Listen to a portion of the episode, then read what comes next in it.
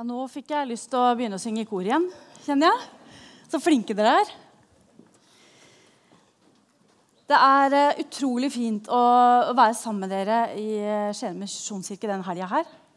Og dere har jo også så spennende fokus de fire søndagene. Når jeg har hørt på alle talene, det syns jeg har vært fint. Og jeg er veldig glad for å kunne være her og snakke om Guds fravær. Jeg vet at ikke det er det hotteste temaet på denne jord, men jeg tror det er ganske viktig.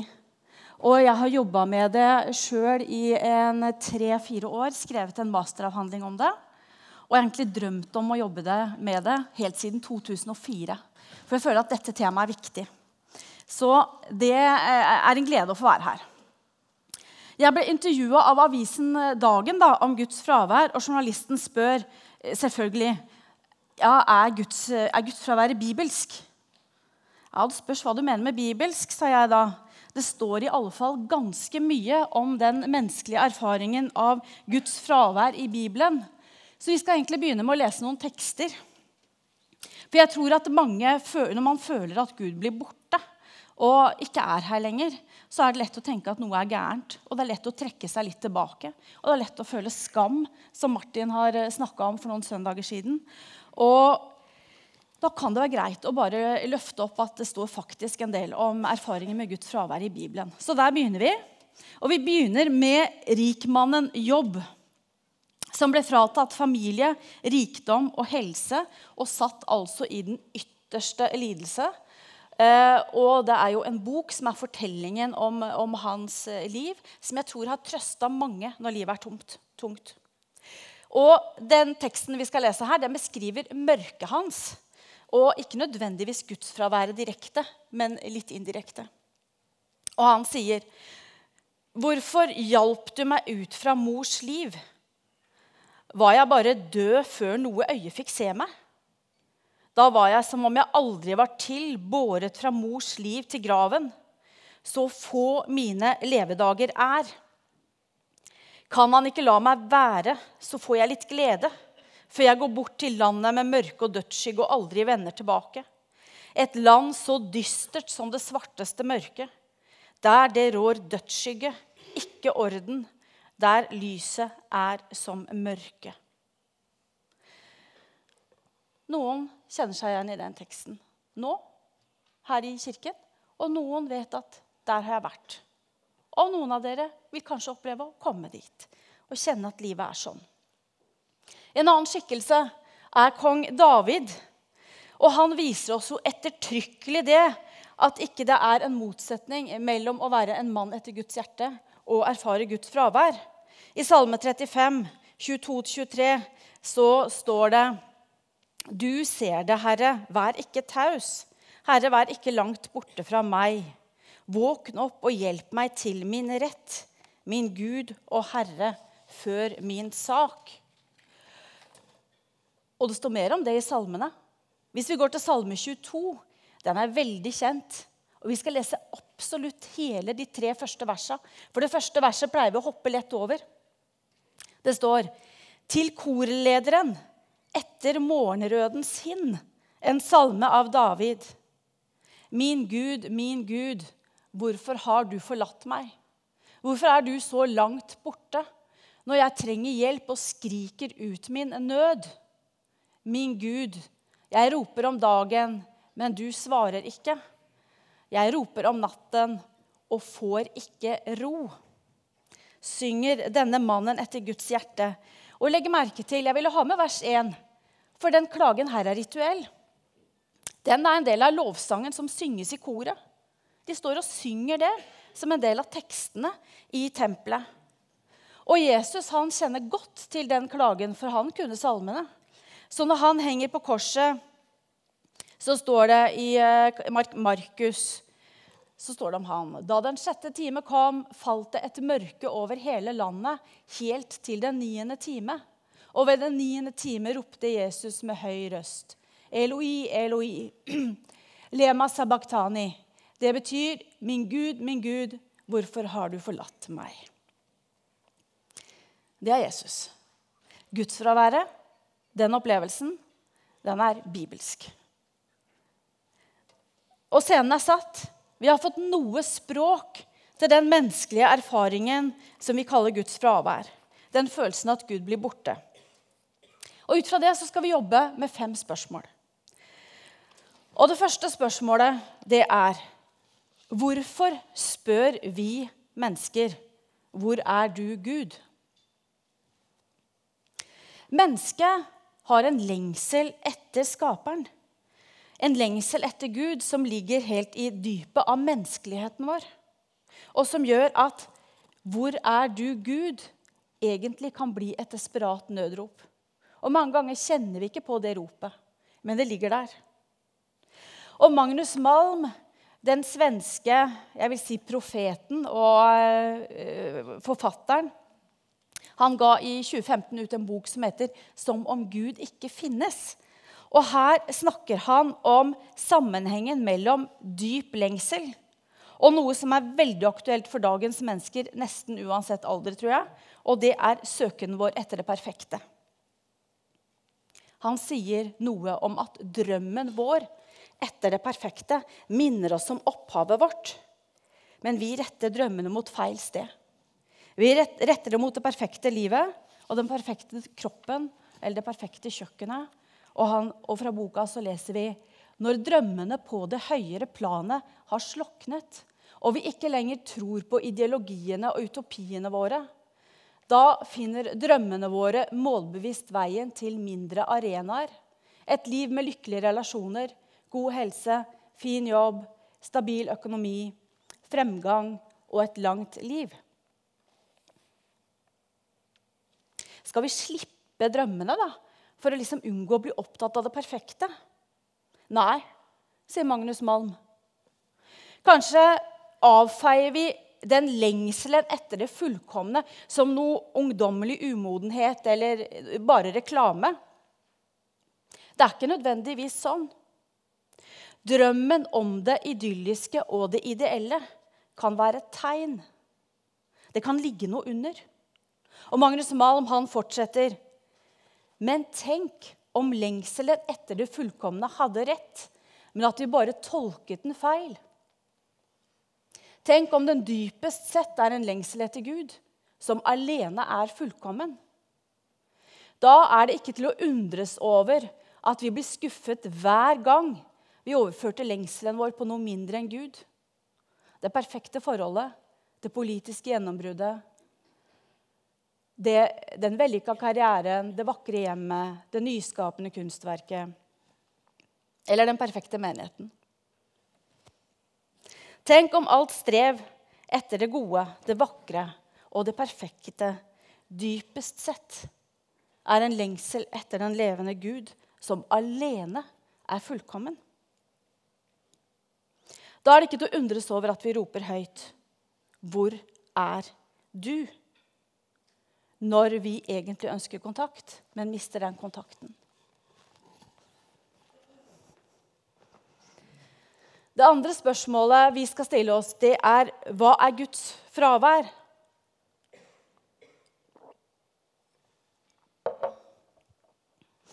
I masterarbeidet mitt så snakka jeg med seks alminnelige mennesker. De kunne gått i den menigheten her.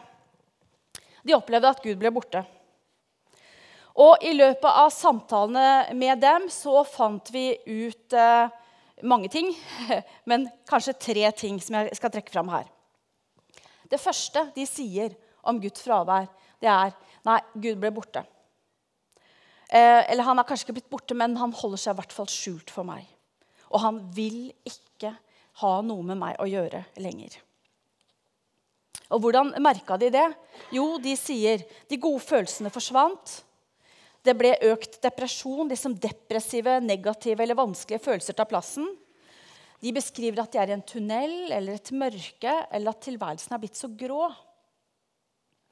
Og de gode følelsene er på en måte erstatta av andre følelser. Sinne, desperasjon, fortvilelse. Men vet du hva? De sier noe mer òg. De sier at det er egentlig en litt lettelse her òg, sa to av de. Og det var kanskje sider ved den guden de har mista, som de syntes det var litt deilig å bli kvitt. Jeg syntes det var litt rart med en gang, men ikke etter hvert. Det andre vi oppdager når vi, når vi snakker med dem om hva er Guds fravær i livet deres, det er det skjedde alltid noe i livet deres før Gud ble borte. Guds fravær kom samtidig med, eller rett etter, at en krise hadde ramma dem. Og den krisen kunne faktisk være for tre, to av dem var det en menighetskonflikt. Og for flere så var det en akutt mangel på beskyttelse i livet. Det kunne være sykdom eller andre sånn ytre hendelser. F.eks. det at kallet plutselig ble tatt fra en, og drømmen på en måte ble tatt fra en. Noe av det her kan vi se hos han profeten Elias. Han som sto på Hva heter det fjellet? Hæ? Karmel, ja. Det var Karmel. Og, og, og kjempet med Balsprofetene og vinner denne fantastiske kampen. Står der som en eneste profet. Bare tenk, Se dere Ringenes herresetting. Og, og, liksom, det, er ikke, det, er ikke, småtteri. Og masse Balsprofeter som, som, ber til Bal. Da. Og så er Elias som ber til Gud. Og så viser eh, Gud seg, så han vinner på en måte den kampen. Hva gjør Elias da? Da har han vært ute for en utrolig traumatisk opplevelse. Jeg, tror jeg dagens psykologer ville si, og det vil jeg være enig i. Han går jo ikke ned Yes, ho-ho. Gud, nå vant vi her. Nei, han går jo rett i kjelleren. Det her har jo vært en enorm opplevelse, nesten som en krise, å være der på det fjellet. Og selv om Gud, Gud eh, var synlig, så går Elias rett ned, legger seg under en busk og vil dø. Han vil ikke være mer. Det er for vanskelig. Og Det står ikke eksplisitt, men jeg synes jeg kan lese det mellom linjene. at Gud virker jo ikke helt nær Elias akkurat i begynnelsen, når han ligger under busken. At Gud blir borte, det kan henge sammen med at de gode følelsene forsvinner. At den nærværsopplevelsen vi er vant til å ha, at den blir borte. At Gud ikke gjør sånn som vi forventer. Forrige søndag, tror jeg det var, eller kanskje det var to ja, jeg tror det var forrige søndag, så snakker altså Martin om en veldig alminnelig form for gudsrelasjon som vi mennesker har med Gud. Og det er at Gud er litt sånn colaautomatguden. Og vi putter på pengene våre. Vi bringer inn våre bønner. Kan du gjøre sånn? Kan du hjelpe meg med det? Kan du litt sånn? Og så forventer vi at colaboksen kommer ut. Altså, det er det vi ønsker, og det er det vi forventer. At jeg skal få et liksom helt nøyaktig på en måte, svar på bønnene mine. Og det er ikke så rart at vi forventer det. Husk på denne lengselen etter det perfekte som ligger i oss. Det er ikke så rart at vi forventer dette. Men hva når ikke det skjer?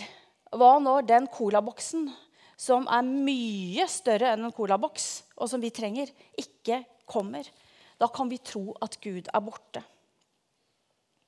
Det tredje som kom fram i samtalen min med de folka jeg snakka med, det er det ser ut som det er en sammenheng mellom denne ytre krisen eller hendelsen som inntreffer, og hvem det mennesket er. Hva som er den menneskelige naturen. Hva som er våre forutsetninger, vår historie, og våre disposisjoner. Hva kan disse forutsetningene og disposisjonene våre være? Vet vi noe om gudsbildet og oss mennesker? Kan vi få neste bilde? Vet vi noe om gudsbildet og oss mennesker? Og Det første vi skal spørre om, det er hvem er vi som mister Gud? Hvem er vi? Det er veldig mye å si om oss mennesker. Nå skal jeg velge ut én liten ting. Som den fantastiske poeten og forfatteren fra 1500-tallet, Johannes av Korset, har sagt. Han er kjent for en beskrivelse av den menneskelige modningen og på en måte livsvandringen vår mot et dypere fellesskap med Gud. Og Hva skjer? Jo, vi lokkes i denne vandringen som han beskriver, fra en selvsentrert periferi til sentrum i tilværelsen vår. Der vi er i stand til å elske Gud for Guds egen skyld, og ikke for det Gud skal gi og gjøre i livet våre. Du kan si Det er en reise fra 'What's in it for me' til 'Jeg søker deg for den du er, Gud'. Og Det oppbruddet har vi ikke lyst til å foreta, for vi mennesker er grunnleggende ganske egoistiske.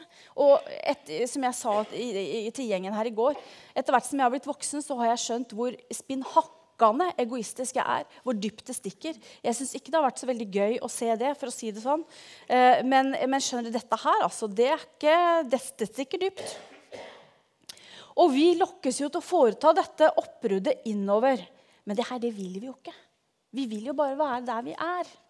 For den reisen er på en måte litt krevende.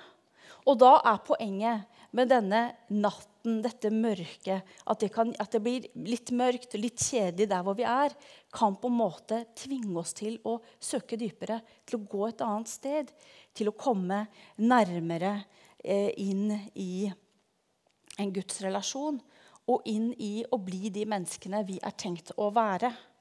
Og den natta kan oppleves som et gudsfravær, sier denne Johannes men er mer et tegn på at Gud er på ferde og begynner å lokke oss. Hei, du menneske, det er bedre for deg å ikke være egosentrisk og egoistisk, men å leve sammen med meg i kjærlighet. Hvem er vi som mister Gud, spør vi. Ja, det er denne selvsentrertheten. Og alle vi trenger å legge ut på reisen fra selvsentrerthet til å erfare det som jeg syns sies så mye vakrere på engelsk otherness. Andrehet. Den andre. Opptatthet av en annen, av Gud og også andre mennesker for deres egen skyld, og ikke for 'what's in it for me'. Og når vi er på den bevegelsen, så kan kanskje Gud sånn som Ja, det skal jeg komme tilbake til, forresten. Har vi lyst på den reisen? Ja. Noe i oss lengter desperat etter det. Paulus han sier, 'Hvem kan fri meg fra dette dødens legeme?' Jeg tror det er denne egoismen. Og Noen ganger kjenner vi på det. Å, herlighet. Take me away from myself, altså. Jeg må bort. Så vi lengter etter det. Men det er jo også så skummelt. Vi vil jo ikke miste. Vi vil ikke miste det kjente for det ukjente. Og Gud er ukjent. Eh, professor Jan Olav Henriksen på Menighetsfakultetet har skrevet en bok 'Gud fortrolig og fremmed'. Og vi vil helst bare være ved det vi har. For det fremmede det kjenner vi jo ikke. Det andre spørsmålet vi stiller, er hvem er den Gud som blir borte? Hvem er den Gud som blir borte? Jeg vet ikke om du har tenkt på hvordan vi mennesker i det hele tatt kan få et bilde eh, av Gud. At vi kan få kontakt med Gud, og at det er noe vi opplever å ha relasjon til, som, eh, som vi kaller Gud. Gud syns ikke. Han snakker ikke som oftest inn i ørene våre. Dette er jo ikke så enkelt. Da min nevø Sebastian ble to år, så var jeg, tanta, forhindra fra å være med i bursdagen. Jeg tenkte at det gjorde jo ikke noe. For der var besteforeldre og tanter og onkler og fettere og kusiner og hele sulamitten. Og etter bursdagen sier toåringen hvor var tante Anne? Det var jo fantastisk for tantehjertet. Og jeg tenkte å ja, toåringen har allerede et indre bilde av meg. Det er en, et rom inni han som heter tante Anne. Og han, det er en person som han har knytta til det bildet som han vet noe om. Eh, vi kan tenke på foreldrene våre, besteforeldre, en kjæreste, en venn, eh, hvem som helst som vi har en nær relasjon til. Vi har et bilde av den personen inni oss. En oppfatning. En, en, eh, og dette bildet det stemmer litt med virkeligheten. Noen ganger mye med virkeligheten. Men det stemmer ikke helt med virkeligheten. Og det, En del av dere som har levd sammen med noen veldig veldig lenge, har jo erfart det. At dere kanskje i begynnelsen trodde dere visste hvem den personen var. Men så oppdager man mer og mer og mer. Og vi er alle veldig mye mer enn det vi viser det første året eller de første to åra. Sånn er det med Gud òg. Skal vi se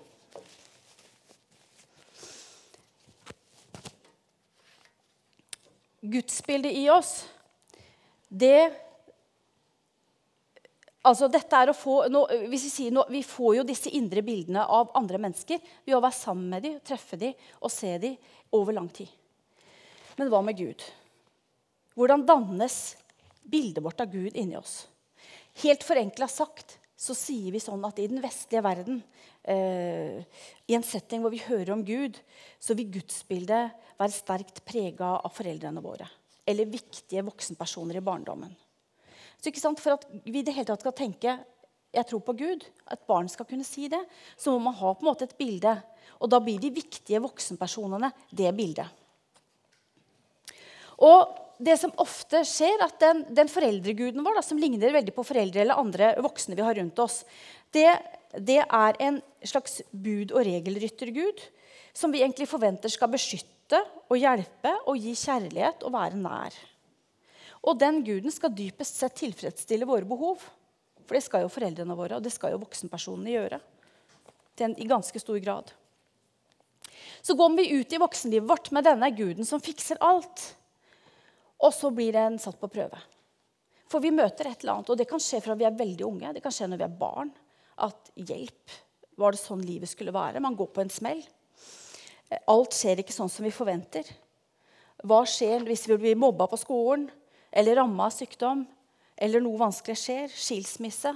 Og en skilsmisse er en krise både for barna og for de voksne. Døden inntrer. Sykdom. Plutselig så skjer dette som gjør at Oi, eh, hvor, hvor, var denne beskyttende guden som nå skulle hjelpe til? Og så putter vi penger på colaautomaten, og så kommer det ikke noe ut. I møte med livets brutalitet og alvor erfarer mange at livet er enormt stort. Men barndommens gud er irrelevant, barnslig, ubrukelig, uforutsigbar og altfor liten for det voksne livet. Derfor forlater mange sin barnetro for å håndtere livet og bli modne og voksne selv og egentlig erobre livet sitt. Og Det er så mange mennesker som feilaktig er blitt stempla som frafalne av seg sjøl eller andre mennesker fordi de forkasta Gud. Men hvilken gud var det de forkasta? Var det et avbilde som de måtte bli kvitt for å komme nærmere den levende Gud? Var det den foreldreguden som likevel ikke beskytta, og som ikke var til noe bruk? I krisen vår, når krisene kommer gjennom livet, så trer det egentlig gudsbildet vårt fram. Da kan vi stå og så kan vi si ja, men jeg tror på Gud. Gud er sånn og sånn og sånn. og sånn. Men så er vi aleine for oss selv. Så har vi på en måte det indre bildet som av og til ikke stemmer med den der lista som vi tror Gud er. Eh, og da, når livet blir vanskelig, kommer dette indre bildet fram. Og da kan vi oppleve at Gud kan komme til kort. Nei, denne guden her, han har jeg ikke bruk for så avviser vi. Eller så går vi kanskje litt i kamp. Du, du er ikke bra nok. Eh, nå må du komme på banen her. Ikke sant? Du kan ta den fighten med Gud også. Nå må du vise deg. Nå må jeg se noe mer her. Må, det må være noe mer. Den Gud eh, Det hender jo noen ganger at folk på en måte gir slipp på Gud i en sånn prosess.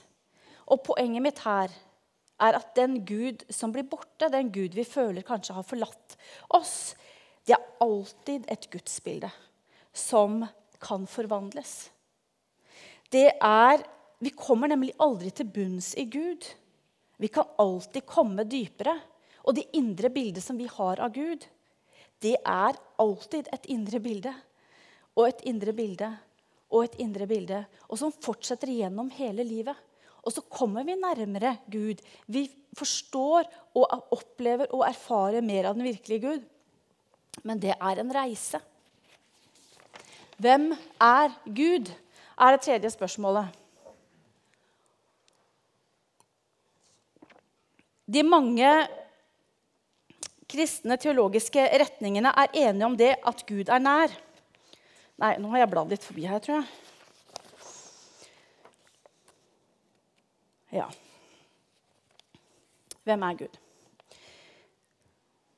Hvis det fins altså en mengde bilder som vi vokser opp med og, vokser, og trenger å vokse fra, så kan vi spørre fins det en voksen Gud for et modent liv.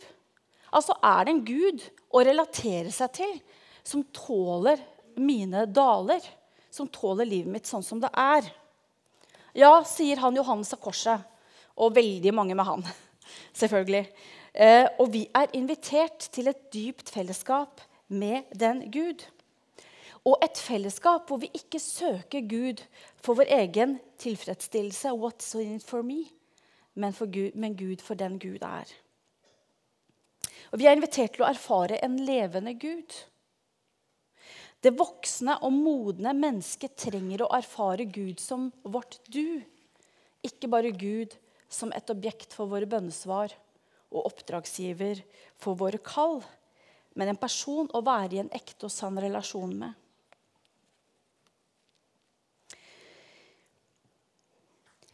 Det er noe som heter negativ teologi. Her beskrives Gud på en litt annen måte enn vi er vant til. For I vår sammenheng så snakker vi ofte om Gud i positive termer. Det har dere hørt. Det hørte vi i sangen her. Det er det vanlige. Og da sier vi Gud er kjærlighet. Gud er evig. Gud er god. Gud er immanent. Det sier vi ikke så veldig ofte, men det betyr at han er iboende, han er til stede. Og det er helt sant. Men Gud er så utrolig mye mer. Gud sprenger rammene for vår forståelse og erfaring. Og her kommer denne, denne rare negative teologien inn i bildet. Og nå skal jeg bruke et fremmedord. I negativ teologi så snakker vi om Gud i negasjoner. Og det betyr å beskrive en person eller virkelighet ved å si noe om hvem denne virkeligheten ikke er. Så man snakker om Gud ved å si noe om hvem han ikke er. Og da kan vi bruke beskrivelser som ubeskrivelig, uendelig, usynlig, ubegripelig, uutsigelig. Å ta inn over oss de begrepene der, det er på en måte som å slippe litt taket kaste seg ut. Og erkjenne at du er så mye større enn alt jeg kan både begripe og romme. Det er som å legge på svøm i Stillehavet. Begynne ved bredden. Skal du til midten? Det er svært. Vanligvis så holder vi på oppe i Åletjern. Vi er invitert til Stillehavet. Denne levende guden, denne Gud på den andre sida av Gud, er den som fins bak denne, dette foreldrebildet som vi begynner gudslivet vårt med, og disse andre bildene som vi erfarer og opplever. Bak der lurer og lokker den levende Gud. Og hvorfor kan vi ikke bare, ja, kan, kan ikke bare komme med en gang, da? Må det være så vanskelig? Ja, det kan du si. altså. Ville vi tålt det? Jeg tror ikke vi ville tålt det. Jeg tror ikke vi ville klart det. Gud er så uendelig, ufattelig stor at jeg tror han må komme til oss små skritt. Å langsomt endre disse gudsbildene våre kan innebære at vi mister, og at vi føler at Gud forlater oss. Og det gudsfraværet tror jeg alltid er en invitasjon til å gå videre med Gud inn i en dypere relasjon. Hvor er Gud? er det fjerde spørsmålet. De mange ulike kristne teologiene og retningene er enige om én ting. Gud er nær. Gud er ikke fraværende. Gud er til stede. Gud er her. Og Gud er der hvor vi går hjem. Og Gud er. I Isaiah så står det en tekst som er så til trøst i tider, og som jeg tror også provoserer eh, en del når man føler at Gud er borte, men står der allikevel. Om Israel. Og den gjelder i enda større grad, tror jeg, i dag. Jeg skal si noe om det etterpå. Det står Sion sier, 'Herren har forlatt meg, Herren har gjemt meg'. Kan en kvinne glemme sitt diende barn, en omsorgsfull mor det barnet hun bar? Selv om de skulle glemme, skal ikke jeg glemme deg. Se, jeg har tegnet deg i mine hender. Dine murer er alltid foran meg. Når Paulus i Aten taler til et multireligiøst samfunn, så sier han Gud er ikke bort, langt borte fra en eneste en av oss. Gud er nær. Gud er her. Gud lokker og kaller ustoppelig. Og jeg må si at jeg lette etter Guds fravær i teologiene. Det må jo være noe med Gud som gjør at det, altså, han må jo være litt fraværende. Det er ingenting å hente. Gud er nær. Når vi opplever at Gud er fraværende For det vil veldig mange oppleve. Jeg tror over halvparten av menneskene i denne salen her har opplevd eller kommer til å oppleve det. Det er så alminnelig. Eh, hva gjør vi da når Gud er borte? Hvis Gud føles som han er borte, og du savner han, og du ikke bare glemmer han, men du egentlig skulle ønske en relasjon, hvis Gud er borte og du ikke forstår noen ting fordi du gjør alt sånn som du pleier, så har jeg en liste. Kanskje er det noe som kan brukes. Det første er klag din nød. Sørg, trygl, be. Utøs din fortvilelse og din, ditt raseri. Ta det ut. Hvis du syns det er litt flaut, så kan du tenke at han tåler jo veldig mye mer enn alle andre mennesker du kjenner. Så det er bare å stå på. Når det blir stille, bli værende der. Kanskje har han noe å si som du ennå ikke har kunnet høre. Punkt to. Som koret sang, 'Wait for the Lord'. Vent på Herren. Gi Gud fri til å komme sånn som han vil. Annerledes. Større. Mindre. Mer kraftfull. Mer sårbar. Hvem vet? Vent på han. Vi mennesker er sånn skrudd sammen at vi lengter tilbake. Det sang vi om en av sangene her òg. Uh, eh, take me back. Take me back ikke sant? to the place I once uh, was. eller noe sånt noe. Og det skjønner jeg, for dette er den lengselen etter det fullkomne. som vi har i hjertene våre. Men Gud han trekker oss alltid videre. Vi skal aldri tilbake til det vi har hatt. Vi skal alltid få lov til å gå videre, faktisk inn i noe nytt. Eh, du kan be om å åpne øynene, så du ser han når han kommer på en ny og annerledes måte.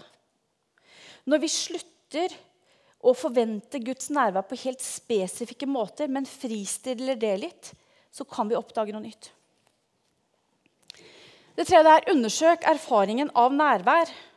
Hva er det som er borte når du, når du fornemmer at Gud er fraværende? Snakk med han om hva du savner. Er det de gode følelsene? Er det den underliggende erfaringen av et udefinert nærvær? Er det fravær av det psykologien kaller eksistensielle grunnstemninger, som trygghet, tilhørighet, livsmot og glede? Hva er det? Snakk med han om det. Undersøk det fjerde punktet, undersøk erfaringen din av fravær. Og her kommer det noe viktig. Hva ved Guds fravær er befriende for deg? Det er godt å være kvitt? Hva savner du ikke i det hele tatt? Det kan være en del av et gudsbilde som du er ferdig med. Som du bare skal få gå videre fra, aldri mer ta opp. Kanskje er det noe du skal beholde. Kanskje er det noe du vender tilbake til. Men nå skal du få lov å forlate det. Hva og hva ved Gud savner jeg? Snakk med han om det. Fem. Anerkjenn dine sanne følelser for Gud og for Jesus. Og vær oppmerksom på at hvis du blir lei av Gud eller av Jesus, så kan trøttheten være knytta til et sunt behov for en dypere relasjon. Så løsningen er ikke bare å ta seg sammen og fastholde dette gudsbildet. Jeg må bare, nå må jeg holde fast på troen min. Jeg må jo ikke hjelpe. Jeg, kan jo, å, jeg vil ikke bli frafallen. jeg vil ikke, ikke sant? Vi har jo så mange eh, angster, eh, og det er grunn til det. Men vær litt åpen i møte med det. Og jeg ser det sitter en del unge mennesker her, og jeg har lyst til å si veldig tydelig til dere. Hør her. Hvis dere blir lei av Jesus eller Gud det, det, her, det, er, det, her, holder ikke. Det er ikke bra nok. Det livet mitt og den guden, det henger ikke sammen. Ikke vær redd. Ikke gå fra ham for det. Men, men, men snakk med han om det. Si noe om det. Si, nå, nå, holder, nå, er du ikke holdbar for meg, Gud. Nå, nå, er, nå er det for dårlig her. Ta det opp med han, utfordre han, gå i kamp. He is a fighter. ikke sant? Det kan dere også være. Så da går dere i nærkamp med Gud, og så tar dere og utfordrer han så det suser. Og så tåler han eh, mye mer enn det foreldrene deres eller andre voksne gjør. Allikevel, gå og snakk med noen kloke voksne som dere tenker kan følge dere her. Og her i denne kirken er det mange. Dere voksne dere har et enormt ansvar. Hvis vi som voksne ikke vil ha en relasjon med den levende Gud for vår egen del, så bør vi ha det for den neste generasjonen. Så Jeg kan si nei, jeg, vil bare ha det bra. Jeg vil ikke gå på den veien. Jeg vil bare være her i status quo-egosentrismen min. Greit. Men da gir du ikke den neste generasjonen det den trenger. Så dette er veldig alvorlig. Langt utover min egen lille hagegrind, altså.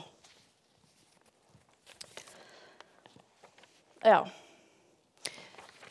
Gå til naturen. Veldig mange har nytte av naturen. Og dette uspråklige stedet hvor Gud kan være større. God is so manifest that he becomes invisible, er det noen som har sagt. Men i naturen så kan noe tre fram som, er, eh, som sier noe språkløst om Gud. Det syvende punktet andre mennesker og fellesskapet. For en av de jeg snakka med, så blir endringen i den fraværsopplevelsen hans nettopp det bare å sitte i en kirke eller et kapell og høre at de andre ba. Han hadde ikke et ord å be sjøl, men nå hørte han på de andre. Og så, og så, bare Å, nå ber de, og jeg bare er her. Og sånn var det han begynte å oppleve Gud på nytt. Det åttende punktet alt som spiller på livets side. Det er en fyr fra 1500-tallet som heter Ignatius av Loyola, som er opptatt av at vi kan bli oppmerksom med ting i livet vårt ved å spørre hva skaper livsmot, og hva skaper mismot. Og det kan stille det enkle spørsmålet hva rører ved gleden min? Og også når Gud er borte og livet er veldig tungt, er det noe som rører ved gleden min? Da kan det være å begynne der. Vær i det. Stopp opp ved det. Det er en måte å begynne å øve på mottakelighet og oppmerksomhet i forhold til Gud, og at han kan komme på nye måter. Det niende punktet er terapi. For mange er det ting som må ryddes opp i den sammenhengen som handler om hvem er jeg og foreldrene mine og gudsbildet. Og det kan være en vei videre i gudsrelasjonen. Det tiende punktet er vurder og evaluer din egen religiøse praksis. Hvis du er mett av bibellesningen din og av bønnen din, og at ingenting gir noe, så ikke, ikke vær så redd for det. Det er ikke farlig å være ordløs. En av de seks jeg snakket med, hun var 30 år og var en skikkelig sånn flink solskinnsbarnjente. Eh, og, og, opplevde da Guds fravær. Og Sjelsørgeren var veldig flink, og hun sa nå, nå syns jeg du skal slutte å lese Bibelen. Nei, jeg kan ikke slutte å lese Bibelen. Nei, det går ikke. Jo, vet du hva, du har lest så mye. Nå bare slapper du av litt. Nå øver du deg på å være stille så kan du ta innover deg alt det du har lest fra før. Se om noe kommer til deg. Det var begynnelsen på hennes vei ut av gudsfraværet. Jeg sier ikke at vi skal slutte å lese Bibelen, men vi kan kanskje lese den på litt andre måter. Ikke stresse så.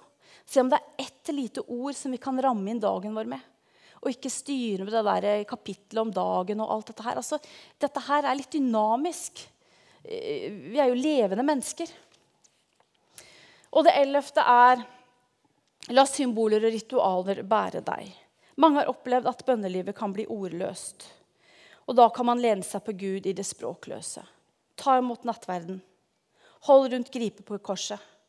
Be Fader vår. La disse andre tingene få bære deg. Så er det mange andre ting som du kan finne ut av. Helt til slutt. Gud er Gud. Gud kan vi ikke fange. Vi kan ikke eie Gud. Han vil alltid unnslippe vårt eierskap. Vi snakker om universets herre, altså. Vi snakker om den navnløse, den uendelige, den ubeskrivelige og ubegripelige Gud. Og selv om vi har et fantastisk bilde i Jesus Kristus, så er Guds vesen så uendelig og så blendende at vi kan ikke romme det. Men vi er invitert til å bruke hele livet vårt til å øve på å leve i relasjon med den Gud. Og å tåle å se mer av ham. En uønska erfaring av Guds fravær det tror jeg er en invitasjon til å lodde dybdene i dette dypet som er Gud. Så ikke vær redd, men bli værende der i det mørket. Søk fellesskap. Søk trøst og gi slipp. La gudsbildet fly. La Jesusbildet ditt fly. Ikke trekk deg tilbake fra fellesskapet i skam, men vær åpen med det. Og hvil i tillit til at Gud kommer til deg. Kanskje på nye måter, kanskje på andre måter. Han er altfor stor for våre mønstre og bokser. Gud, vi tar deg imot i våre liv. Og ber om at du kommer sånn som du vil, og at vi kan ta imot deg. Amen. Nå er det anledning til forbønn eh, her nede. Og til å tenne lys og til å skrive bønnelapp.